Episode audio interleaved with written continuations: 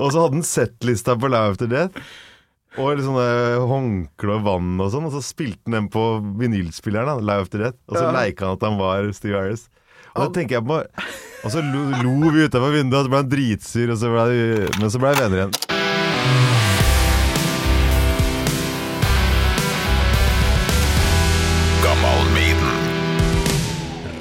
Raga-gitarist Eivind Staksrud er på besøk. Kanskje landets største nerd på Jimmy Hendrix og Angus Young.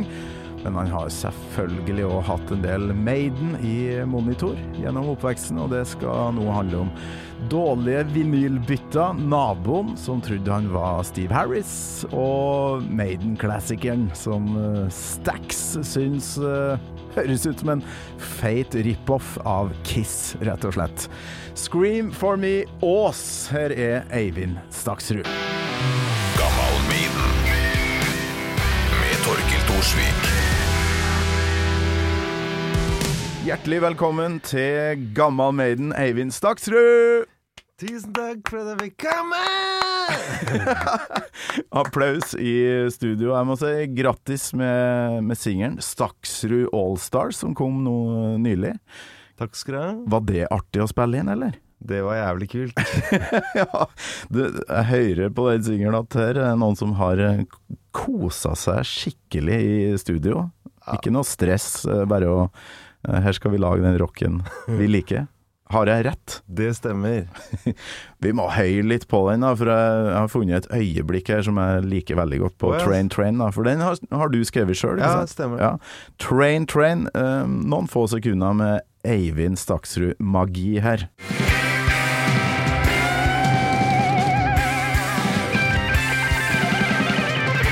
Er det ACDC-inspirert?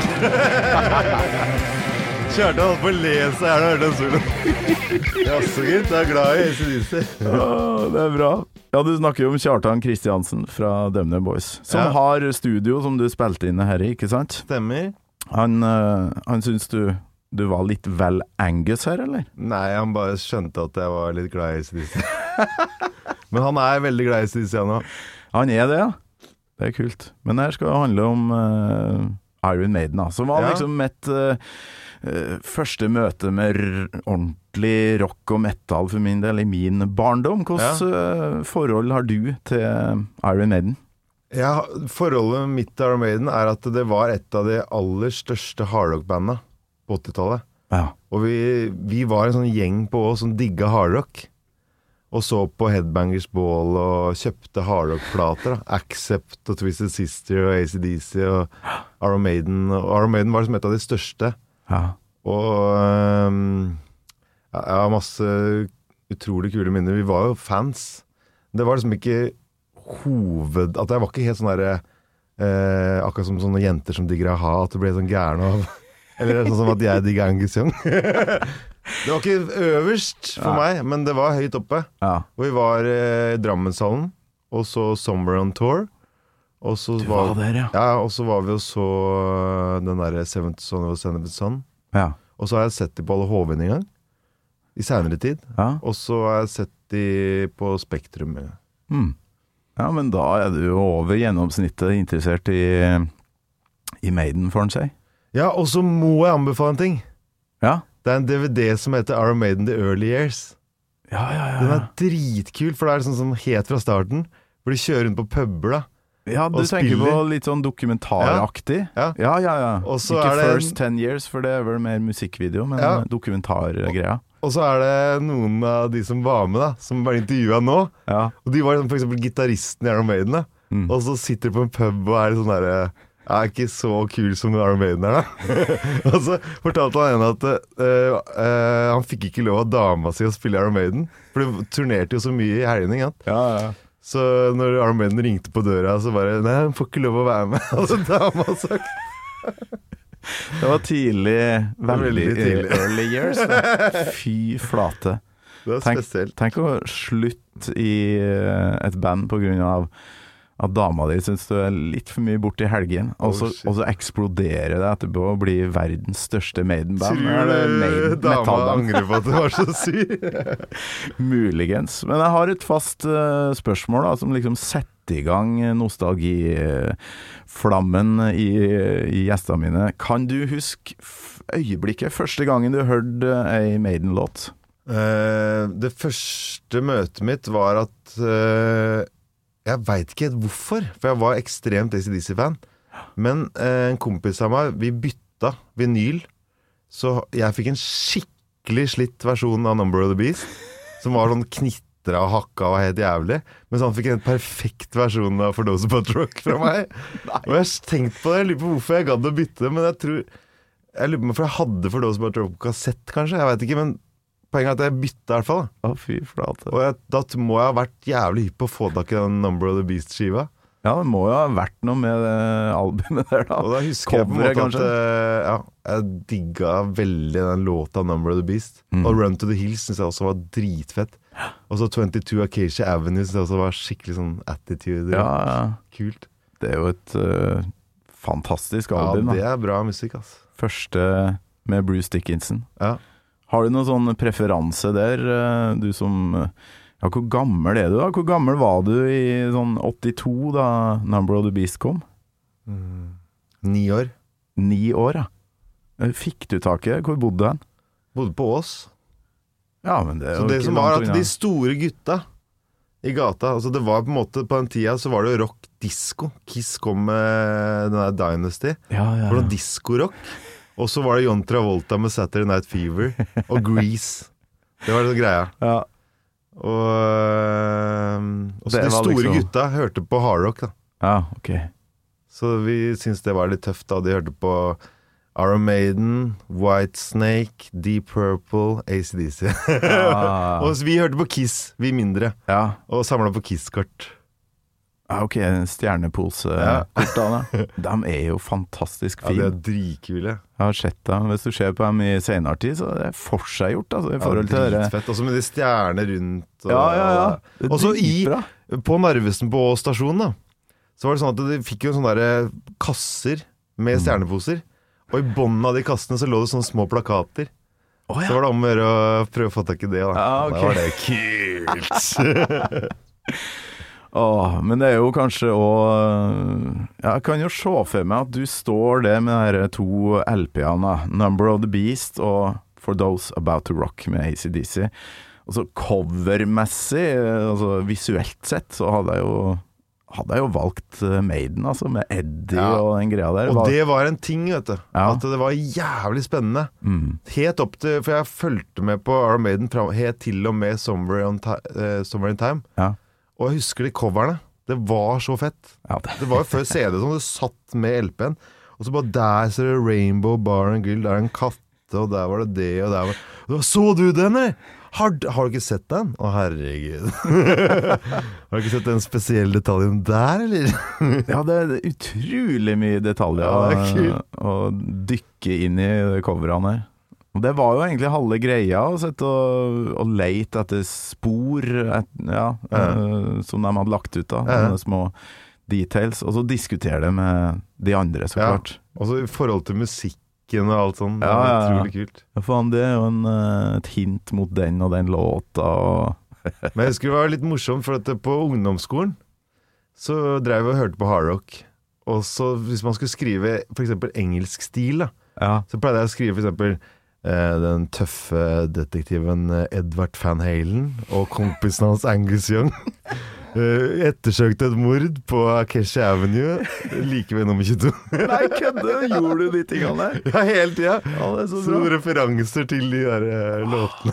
Dritbra. Jeg gjorde jo akkurat det samme sjøl, og jeg husker jeg var elendig i engelsk. Altså jeg sleit skikkelig med engelsk.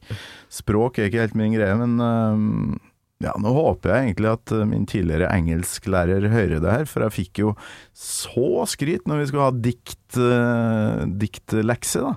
Jeg leverte jo bare to vers fra Sea of Madness av Å. Iron Maiden, og, og Å, bare ja, skrev om bitte litt her og der. Og det er sånn Fy flate, Torkil, her har du jobba! Reine så Maiden redda meg mange ganger. Og så ble det jo mye sånn særoppgaver og sånt òg, så man så klart måtte skrive om favorittbandet sitt. Så kult. Du, øhm, det andre av to, da, eh, faste spørsmål, er hva slags låt du har valgt til episoden. Mm. Og hva er det? Running free. Running Free. Du, da må vi bare høre åpninga. Yeah.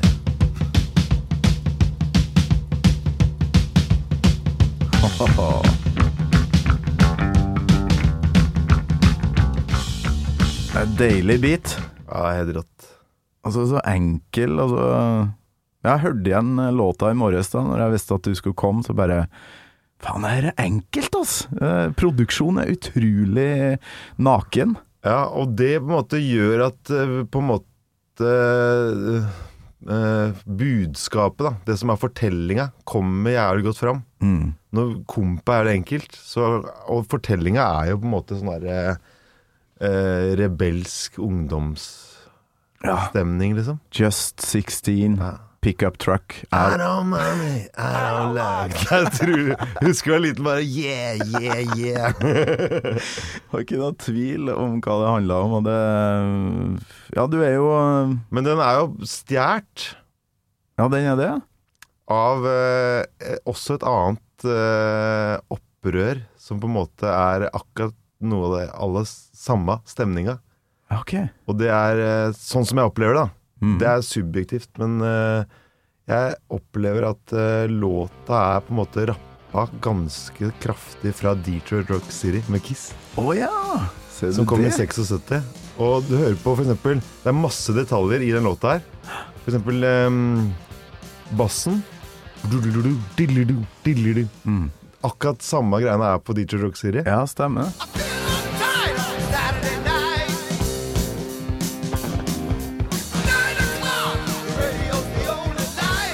Og så er det på en måte Du kan nesten synge faktisk Detroit Rock City over den her. For det er samme groove utenom på versa.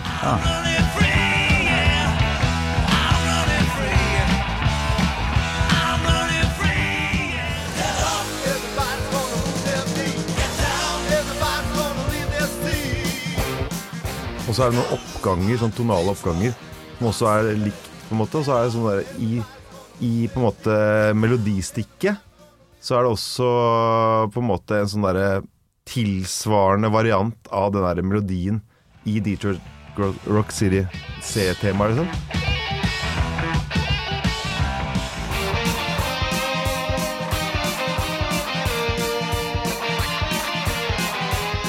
Og så er har jeg funnet ut at første halvdelen av gitarsoloen, det er Love Gun-soloen til Kiss. Det er helt likt.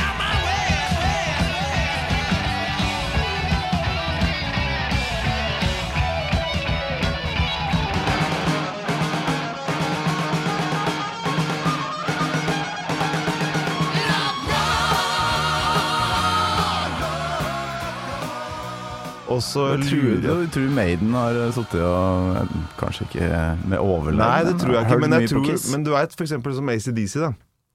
De, når de lagde How to Hell, så tok de for seg på en måte All Right Now I'm Free, og skulle bare lage en låt som var I samme, Samme gata, ja.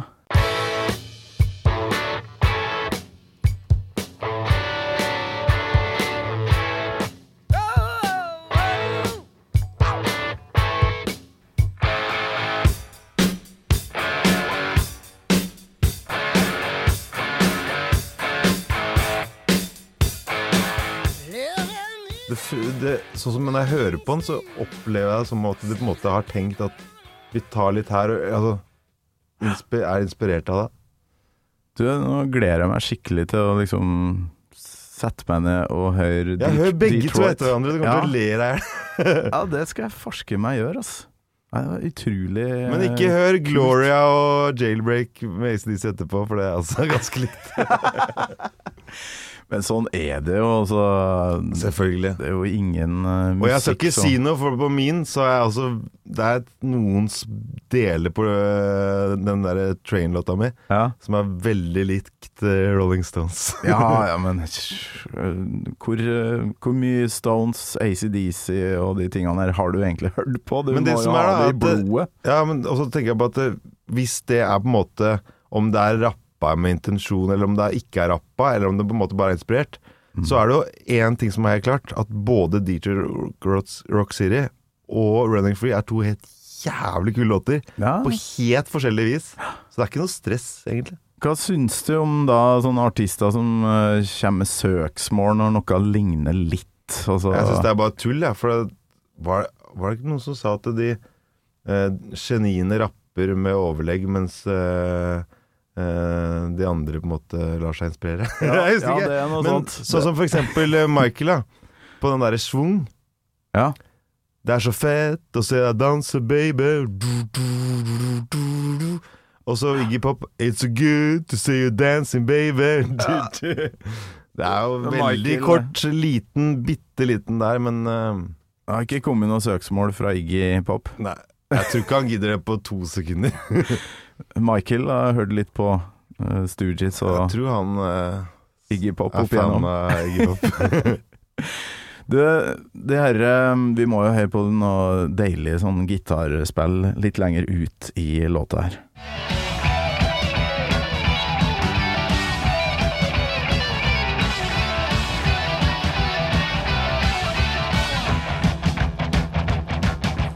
det er så tøft. Klarer ikke å unngå å nikke med hodet når du hører det. ja, det er et fantastisk fett. Men du, sånne såkalte tvilling, twin guitars ja. som det her, det var vel heller ikke helt nytt i 1980? Nei, det er det jeg mener. Hvis du setter på soloen til Logan med Kiss, Ja. så er det helt likt. Ja, ok, det, det var akkurat det her temaet du tenkte. Ja, tøft. Men eh. Og så er det kule riffer. For For det høres nesten ut som en tikkende bombe. Ja.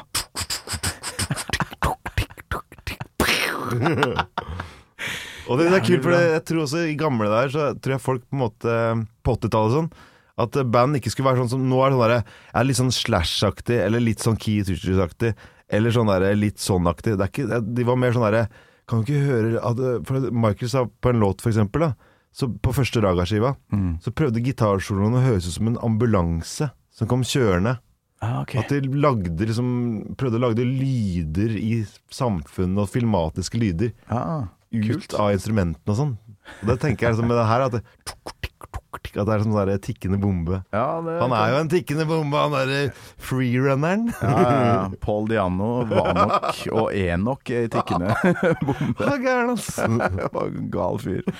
Men eh, altså, tvillinggitargreia Mange som sier at Thin Lizzie kanskje var veldig tidlig Ja, var det ikke Wishborn Ash og Wishbo. Ja, ok. Jeg lurer på om de også hadde noe Ja, det er flere Eh, Ja, hvis vi skal liksom uh, Ja, så Jimmy Hendrix, for eksempel. Da. Han hadde jo sånne ikke tvilling, men ofte tre gitarer. ja, Som på en måte var ork orkestrert som et orkester, på en måte.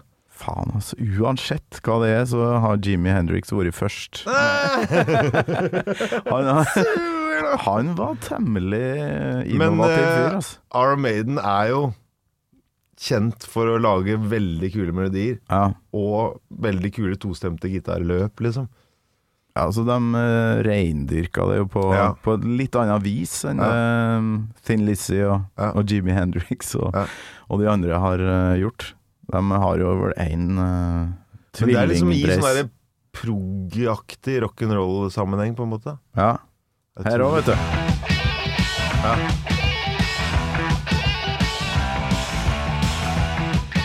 Det er fett, altså.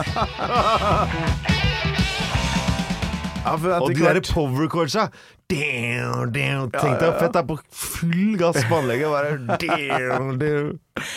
Ja, men det, I forhold da, til mye som kom uh, etter det her, for det her er jo 1980, uh, så er jo det her så utrolig, som vi sa, nakent og, Mhm. og enkelt. Uh, men det funker jo som bare som bare F. Eh, Samtidig så er det inn, jævlig innovativt, den der New Wave of British Heavy Metal med Judas Priest og alt sånn. ja. For det, sånn som Sabbath og sånn var mer sånn, mer sånn bluesopplegg. At de var rota mer sånn blues, rock'n'roll-blues-landskap. Men her var det sånn nyere sånne der progressive melodier og utrolig Det må være sånn uh, kult liksom å Eller altså liksom Når de på en måte prøvde å bli berømte og reiste rundt og spilte den musikken her, så var det jævlig nytt. Jeg tror det, sånn der, må være sånn, Jeg har sikkert fått mye kjeft Og Akkurat som Metallica i starten. Liksom bare, ja, det her er altfor umelodisk. Og, og så blei det visst bra likevel, da. Det ble jo det, og det, du da som var på Ås, eh, liten tass som gikk rundt der, hvordan, eh, hva tenkte du egentlig om alle dette? For det dukka opp, det var Wasp-plakater med kjøtt og blod og Ja ja, du hadde jo digga Kiss. Det var jo litt blod der òg. Ja. Hvordan, hvordan tok du det inn eh, over deg? Var det bæretøft, liksom, eller var det Jeg var ikke egentlig så interessert i det kjøtt og blod-greiene. ass. Jeg var egentlig Jeg syntes det var tøft med det der svære showet til Kiss og Maiden. Mm. Og på en måte for eksempel eh, R. Maiden eh, i Drammenshallen på Summer and Tour. Så kom det sånne oppblåsbare hender utover publikum. Ja. Og så var det der hodet til Eddie, og så kom den dokka gående. Det er sånn derre og Sånn som med Kiss, liksom på en måte eh, Alive 2 og sånn, med alle de flammene og de der trappa de går Altså, ja, det er det er jævlig sånn show. det er jævlig fett show, ass. Ja, men nå skal det sies at det var ganske mye oppblåsbare saker og, og show på, la oss si, den Black Ice-turneen. Ja, Men jeg tror på en måte at det var litt sånn i gamle dager òg. For at jeg husker eksempel sånn som Petter når han anmeldte første eh, ACDC i Chateau Neuf. Ja. Så sier han liksom at de hadde et anlegg på 40 000 watt. Og det var sånn greie på 80-tallet, tidlig 80-tallet. At det var så mange watt, og høyttaleren var så høyt og sånn. Ja, ja, ja. Og så husker jeg jeg var på ACDC 86 på Fly on the Wall-turneen. Og da var det sånn, gikk det rykter om at det var en million watt lys Såpass, ja. I lyspærene. Ja, det var ja. så mye så mye Ja, det var utrolig eh, Helt utrolig. Men sånn var det jo. Det var sånn krangling sånn 'Pappaen min får til det, nei, men min Ja. pappa gjør det'. Ja, men eh, favorittbandet mitt har flere watt enn favorittbandet. Det var mye sånn krangling, da. Og faktisk Alice Cooper og Kiss. Lurer på om det var Alice Cooper og Kiss. Det var i hvert fall Alice Cooper og et annet band. Eller var det The Who som krangla om hvem som hadde flest tammer? Ja, Så ok. de drev og kjøpte mer og mer trommer. For å Nå er jeg 100 trommer. Ja, ja, ja. det var mye krangling og sammenligning og Ja. ditt og datt. Eh, Når det gjelder gitarer, så er det jo gitarister, så er det jo utrolig mye krangling. Eh, Ja. Jeg regner med du setter Angus eh, rimelig høyt, men hva, hva tenker du om Dave Murray og Adrian Smith, da, som er de mest kjente gitaristene fra, fra Maiden? Jeg syns de er dritbra. Og jeg syns Ja. de er på en måte sånn derre soloene, for eksempel. Riffa er helt fantastiske. Og soloen også er helt fantastiske, fordi at det er på en måte lagd. Litt sånn som Jimmy Page i Led Zeppelin. Mye av det han lagde av sånne der melodiske soloer, det så, det står seg så utrolig bra. Mm. Som musikkstykker, på en måte. Ja. Istedenfor at det bare går opp og ned blueskalaen og ser etter åssen det kommer til å låte. Altså, det er jo digg med en sånn improvisert ja, ja. eh, kaossolo Ja. innimellom, men uh, Men det er ofte litt lu lureri, skjønner du. For at ofte så, så Som Henriksen, når han står og improviserer og sånn bare, Fy faen, åssen i helvete klarer han å finne på det? Og så er det lureri, for det er en melodi han har pugga som er dritfet. Ah, okay. Men så er det ikke improvisert, det bare ser ut som han bare tar det på hatten. Jeg husker jeg var på Vidar Buss-konsert en gang, og så spilte han sånn derre indiskaktig sånn melodi. Åssen i helvete klarer han å finne på det ut av huet, liksom? Bare der og da. Men så var det en låt av Duke Ellington som heter 'Caravan', som han spilte. som jeg fant ut seinere. Det er mye sånn eh, Akkurat som for eksempel Jimmy Henriksson tenner på gitaren på Monterey. Ja. Så spiller han 'Strangers In The Night' med Frank Sinatra over kompet på Violeting. Det høres jo helt pottefjernt ut. Eh, Ja, okay. Men det blir det, det, ja, Det er mye sånt, da. Altså det Som det er lagd fra før, men så tilsynelatende virker det som det bare fant det på i farta. Luringer. Ja, altså Ah. Kjøre gitaren bak nakken og sånt, så skjer det veldig sånn eh, Er det mulig å få til det? Ja, ja, Med altså. 1000 milliarder valgt! Ja, for Maiden fikk jo inn eh, da når Adrian Smith ikke gidda mer på slutten av Ja. 80-tallet, så fikk de inn en kar som heter eh, Yannick Gears. Kjenner du til han noe særlig? Ingenting. Eneste at jeg har sett den live én gang, eller to ganger. Ja, du har Fordi det? de var, de, på Valle Hovin så var det tre gitarister. Og så den gangen jeg var i Spektrum, så var det tre gitarister. Ja. Men jeg har ikke noe forhold til Iron Maiden etter Seven Son of Seven Eller altså det vil si, etter Summer in Time så kjøpte jeg ikke noen flere av Maiden-plater. Eneste er at jeg har hørt en som heter Fair of the Dark. Fordi at jeg var på Roskildefestivalen, og så var det en som hadde den på kassett på kassettspilleren. Oh, ja. Og det året så syns jeg faktisk den kassetten var det kuleste musikken. Vi Ja. var litt fulle og sånn, da, men i hvert fall 1992, da, da var det jo mye Da hadde jo grunchen og nu Jeg var begynt på å- Roskilde i 1992, Ja. og så Fate No More. Og så så jeg eh, Nirvana. Og så så jeg de der Pearl Jam. Ja. Og Oasis. Og Supergrass. Oasis, ja. Masse kule band.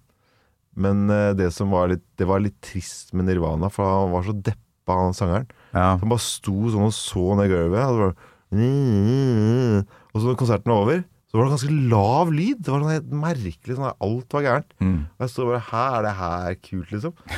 Og så løp han bare akkurat rett inn i trommesettet og bare kasta seg inn i trommesettet. Og da var liksom konserten over. Ja, det var hyggelig. Ja. Ja, det er noen av de derre Nå fikk jeg men jeg har lest om at han var sjuk på den tida. Ja, han Og han egentlig det. skulle Han ble liksom tvunget fordi at det hadde solgt noen billetter på europaturné, bla, bla, bla. Mm. Så han ble liksom tvunget til å dra på turné, men han skulle egentlig vært på rehab eller et eller annet. Ja. Så det var egentlig tragisk. For han har jo lagd masse fet musikk, syns jeg. da ja, helt enig. Det er jo noen låter og melodier, ikke Mm. minst, som er helt uh, fantastisk. En Men en ny type blanding. øh, å se på ja, konsertopptak av Nirvana er jo stort sett bare trist. Ja, er, ja. og så Superstjerne, da. Hun eh, gjorde jo alternativrocken uh, mainstream på sett og vis. Hun kom seg ut i verden og sånn, men nøyt ikke et halvt sekund av det engang. Det er jo nitrist. Men det syns jeg er kult med Iron Maiden. da Det syns jeg er så Og det har, det har vært helt siden eh, første møte mitt med Iron Maiden. Mm. Var at eh, de var så jævlig takknemlige Ja, for å få lov å drive med der. det Når de blei berømte. Det Og hjelper det var så kult. Skulle de være i Polen, så, liksom, så var det sånne rykter om at eh, Bruce Dixon sto bare og skrev autografer i timevis til fansen for å være så kule mot fansen. da. Ja, De virka, Jeg husker jeg tenkte at de her folka er dritkule mot fansen. Og så etter hvert, så når de fikk seg fly, så fløy de. Ja. Spilte konserten, og så fløy en publikum hjem. Bare, 'Skal dere hjem? Jeg kan sitte på meg med flyet mitt', da. Så flyr dere opp til Norge etter jeg spilte konsert. Det er helt rått. Det er, det er faktisk Det er det drøyeste bandet har gjort mot fansen av kulhet, tenker jeg. Ja, ja, ja. Det syns jeg er sånn der Faen, det, da er det diggbart, på en måte. Hvis folk bandet er så kule. Kunne dere fly meg hjem? Jeg bor på Ås. Jeg må rekke nachspiel på motorsykkelklubben. Ja, men eh, ja, den ydmykheten der og eh, Det er jo veldig ofte ting som blir sagt i løpet av en konsert da, av frontmann, er ganske Ja. viktig for Ja. hvordan fansen oppfatter bandet, og der syns jeg Bruce Dickinson er, Dritbra. er bra, altså. Og så syns jeg på en måte at de virker som de er jævlig interessert i musikk. Mm. Og, og selv om de har alt det der showet og sånn, så er det på en måte bare Det skal bare underbygge alle de tekstene og musikken og sånn. Men clouet er at det, det er sånn jævlig mye kule riff og jævlig mye kul musikk. Og jeg har, veldig inntrykk av at jeg er sånn der nølete opptatt av musikk, og det er sånn som smitter over på publikum.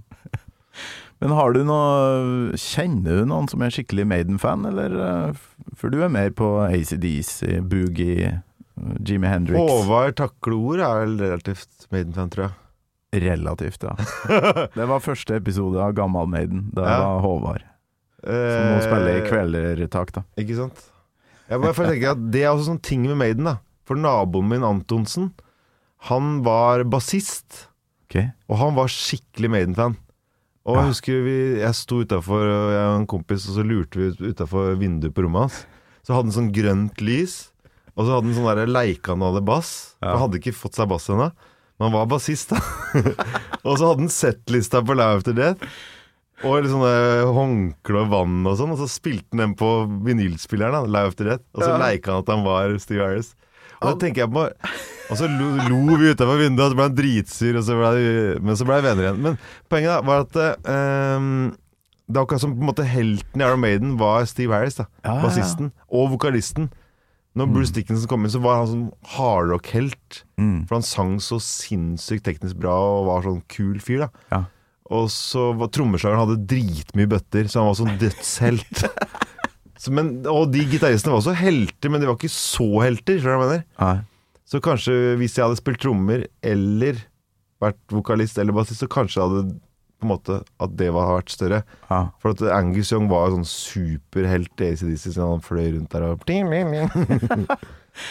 Men det, er ikke det at jeg eh, mener at de er dårlige, det er dritbra gitarister og fantastiske gitarsoler og riff og sånn. mm. Men de var ikke Det var liksom Steve Harry som lagde all musikken, det var litt sånn, ja. på en måte. Jeg har nok hatt flere trommiser inn her enn gitarist, Ja. altså. Marcek Hofstad fra Kvelertak er vel Ja. kanskje eneste sånn reindyrka gitaristen, ja. Og ja, Steve Harris var liksom stjerna, da. Man skjønte etter hvert at det er jo faen meg han som er lederen her. Det er han som Mm. skriver tekster, de fleste i hvert fall, og Mm. er jo liksom eh, hjernen eh, bak, da. Sånn Antonsen, ha, naboen din, hadde altså tatt med seg eh, håndkle eh, Ja, og masse vann, vann. Settliste. Også vinylplate med sånn knirking, og så sette på sånn. Og så Live After det. Å, så bra! Det Jeg er, så, Jeg lurer på om han hadde sånn svettebånd òg. Både som, pannebånd og her, tror jeg. På armene. Sånn som Steve Harris? Ja. Ja. Å, bra. det var kult! Er det noen som gjør sånt nå til Ja, jeg gjorde jeg, Ikke akkurat nå, men Jeg hadde sånn en lampe. Sånn der leselampe. Så snudde jeg den, så lot jeg som det var en mikrofon. Og så var jeg liksom Jeg tror jeg var James Hetfield noen ganger, i hvert fall. Jeg husker ikke alle. Jeg hadde begynte vel med noen tennisracketer eh, som gitar, og så var det å finne fram lommelykt Ja, og sto sånn. det litt sånn. da med armen? Ja. Yeah! Arma rett opp. Ah, sånn Antonsen hadde en sånn eh, monitor, da, for det er viktig. For Ja, en, det eh, tror jeg han hadde, ass. ja, Steve Harris for å Og så få den grønt derre- lys. Grønn lampe sånn nedenfra opp. Så dritkul ut. Han så helt ut som uh, Steve Harris. Og ble dritsur når vi lo og erta han, da. Vi erta han ikke, men du veit du bare ferska når du lever deg inn i livet. Ja, ja. Det er privatopplegget. Nei, du, det var utrolig artig å høre om Antonsen, da. Kanskje Antonsen eh, har fortsatt å høre på Maiden, så han hører på det her? Jeg tror han digger Maiden. Ja, han gjør det? Ja, må det. det er jo sånn med For det er jo sånn sjelsettende, vet du. Når du er liten, Mm. så er det en del ting som for eksempel Som følger deg hele livet, tror jeg. da, For at det blir så sterkt.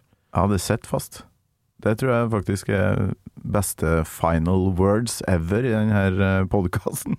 Eivind Staksrud, tusen takk. Det har vært utrolig koselig. Takk for besøket. Takk for at du fikk komme. Gammal Maiden med Torkel Thorsvik. En podkast fra Radio Rock.